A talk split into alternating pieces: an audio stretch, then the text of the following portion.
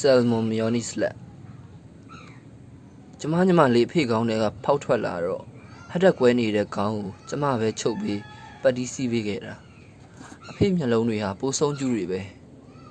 ပြီးတော့မိခိုးရောင်စကားပြောတတ်တဲ့အယောင်တစ်မျိုးပဲလေထူးဆန်းတယ်လို့စဉ်းစားမိပေမဲ့နောက်တော့ကျမမိခိုးရောင်ကို တွေ့တာလာမိပါတယ်ညီမလေးကဆယ်လမွန်ရေဆေးငါးကြီးမဖြစ်သေးခင်မှာပဲအဖေအတွက်ကြောင်စာပေါ့ အဖေကဓာတ်ပုံထဲမှာတော့တိုက်ပုံအင်ကြီးနဲ့အခမ်းသားလို့တွေးနေမိတာ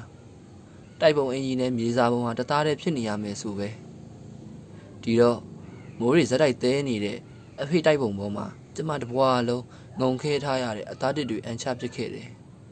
အထွေထူးမဟုတ်ပါဘူးဒါရီယာသူ့ကြောင်လေးကိုအဖေနေကျွေးနေကြဆယ်လမွန်အသားမြင်တွေပဲလေကျမဟင်းချက်နေပြီဆိုကိုကင်းဝိုင်ဒလင်းနဲ့အဖေရောက်လာပြီစီဦးထောဘက်ကို သူ့မျိုးပွားအင်္ကာတွေအတွက်ဖယ်ထားပြီးမှကျမကိုမယောနီစလက်တွေကျွေးတာပါပဲနောက်တော့အဖေကကျမကိုစိတ်ဝင်စားတော့ဘူးသူ့ကြောင့်လေးအတွက်ညီမလေးရာသီမမှန်လာပေးရဲ့လားဆိုတာပဲစိတ်ရောက်နေတော့တယ်ကျမဟာတားပေါက်မလာတော့မဲ့ငှက်တကောင်ရဲ့ဥပဲအဖေမသေးခင်မှာပဲအဖေရဲ့မိခိုးရောင်မျက်လုံးတွေအမွေဆက်ခံလိုက်ရတယ်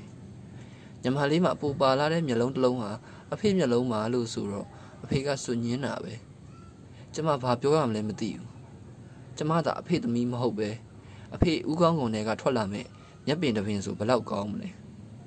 အခုတော့အဖေဟာအိမ်ပြန်မလာတော့ပဲမိမတကားရဲ့ခြံကားဝမှာသူ့ကြောင်လေးကိုမွေးစားပေးဖို့လိုက်ပြောနေပြီ